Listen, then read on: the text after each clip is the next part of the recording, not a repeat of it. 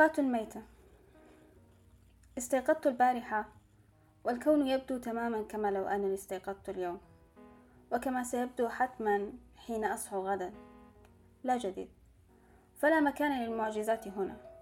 وكفتاة ليس لديها عمل أو دراسة أو رجل وأطفال أو حتى صديقات مقربات إذا استثنينا سلحفاتي سوسن التي أوكل إلي أمر العناية بها بعد أن مل منها أخي سعد ذو السبع أعوام. وأنا أحب سوسن حيث تسير دوما وفق توقيتها الخاص على نحو يذكرني بأن أفعل المثل أحيانا. ولا أظنها ستشعر بالغربة هنا بل ربما تكون أسرع قاطني هذه الغرفة أسرع حتى من سريان الزمان هنا. أستطيع القول أن حياتي بصورتها الحالية تبدو نصا مبتورا أو سكوتا وسط معزوفة. ولا أحد يدري إلا الله قطعا. إذا ما كان ثمة خلف هذا الملل أحداث جديدة. أم أن هذه هي حياتي وحسب. سلسلة متصلة من الأوقات الميتة والأوقات الأكثر مواتا. توقفت منذ فترة طويلة عن التفكير في المستقبل أو التركيز في تواريخ الأيام. إذ سيجعلني ذلك ألاحظ يوم ميلادي الذي غالبا ما يتحول إلى يوم نحيب وبكاء. كأنه تأبيل لكل عام يمضي. وبما أن لا أحد يذكره مع عدائي كانوا يقولون أن هذه محض نوبة من نوبات البكاء التي تعزى إلى أسباب عديدة. ليس من بينها على الإطلاق كوني قد أكون حزينة وحسب يساعدني في ذلك عدم انتظام أوقات نومي. فقد أصحو آخر النهار أو في منتصف الليل.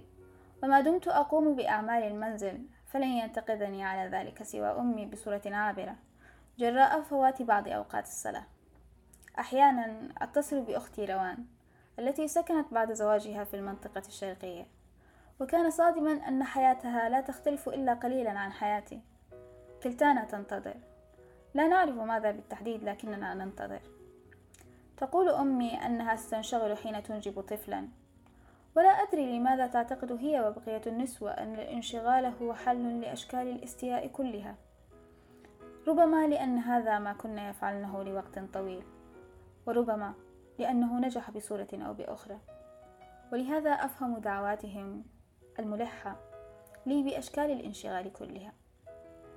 الزواج والأطفال والعمل فهروبي الدائم من الضيق والحزن هو طراز السعادة الوحيد الذي من المفترض أن أعرفه. ولطالما كان لدي صراع في فهم السعادة وأظن حاجتي الدائمة لرؤية مختلف الأمور بطريقتي لها علاقة باسمي رؤى. لكن السعادة هي أكثر ما يشغلني. فعائلتي تجعل السعادة شخصا نتزوجه والإعلانات تجعلها شيئا نشتريه ومواقع التواصل تجعلها وظيفة أو نجاحا نرقى إليه. وحين أتأمل الأمر أجد أنه لا يتعلق بالسعادة الفعلية على الإطلاق فهي حسب ما أتخيلها محض حالة شعورية تأتي وتتلاشى في بحر المشاعر الممتد داخلي.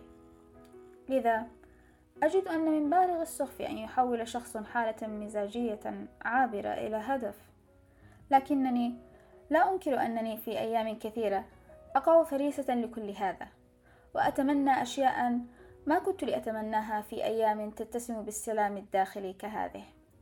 وليس لأني أعتقد بأنها ستشعرني بالسعادة فعلا فموقفي من ذلك واضح. ولكن لأنها ستثبت لأشخاص قللوا من شأني أو تخلوا عني أنني قادرة على أن أكون سعيدة. ولأنها ستخرس الأسئلة المستمرة وتكف النظرات الشامتة أو المشفقة أو حتى تلك المتأرجحة بين الاثنين. ناهيك عن النصائح التي لا انتهاء لها والتي تلمح لكوني لم أفعل أي شيء رغم أني حاولت كل شيء. ومع ذلك أعود لأفكر أنني لو انسقت خلف هذا فسأكون فردا في جوقة الزائفين.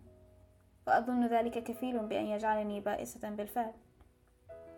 وللحق مرت بي لحظات سعادة عديدة.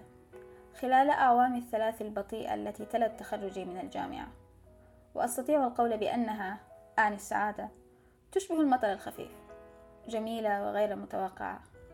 على سبيل المثال شعرت بالسعادة حين أطعمت سوسن ووجدت شهيتها المفتوحة دائما طريفة ومضحكة. وشعرت بها أيضا حين رسمني أخي سعد وحين ضحك والدي لأني أحرقت البيض وحين تلمع عيني جدتي فيما تحكي عن الأيام الخوالي وحين أشرب القهوة مع أمي في صالة المنزل في عصر يوم هادئ.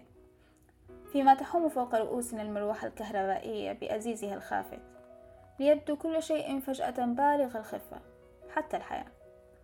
ربما سألتفت بعد أعوام بعيدة بعين الحنين إلى هذه الأيام الهادئة وقد أكون ظلمت هذه الأوقات بوصفها بالميتة فقط لأنها حية بطريقتها التي لا تتماشى مع الصورة التي تشربتها عبر سنين طويلة عن الأوقات النابضة بالسعادة وبالحياة.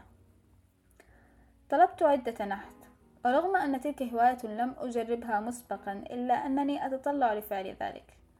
رغم أني أظن الفوضى التي ستحدثها محاولاتي ستثير استياء أمي قليلا. ولكن سأجرب على أي حال.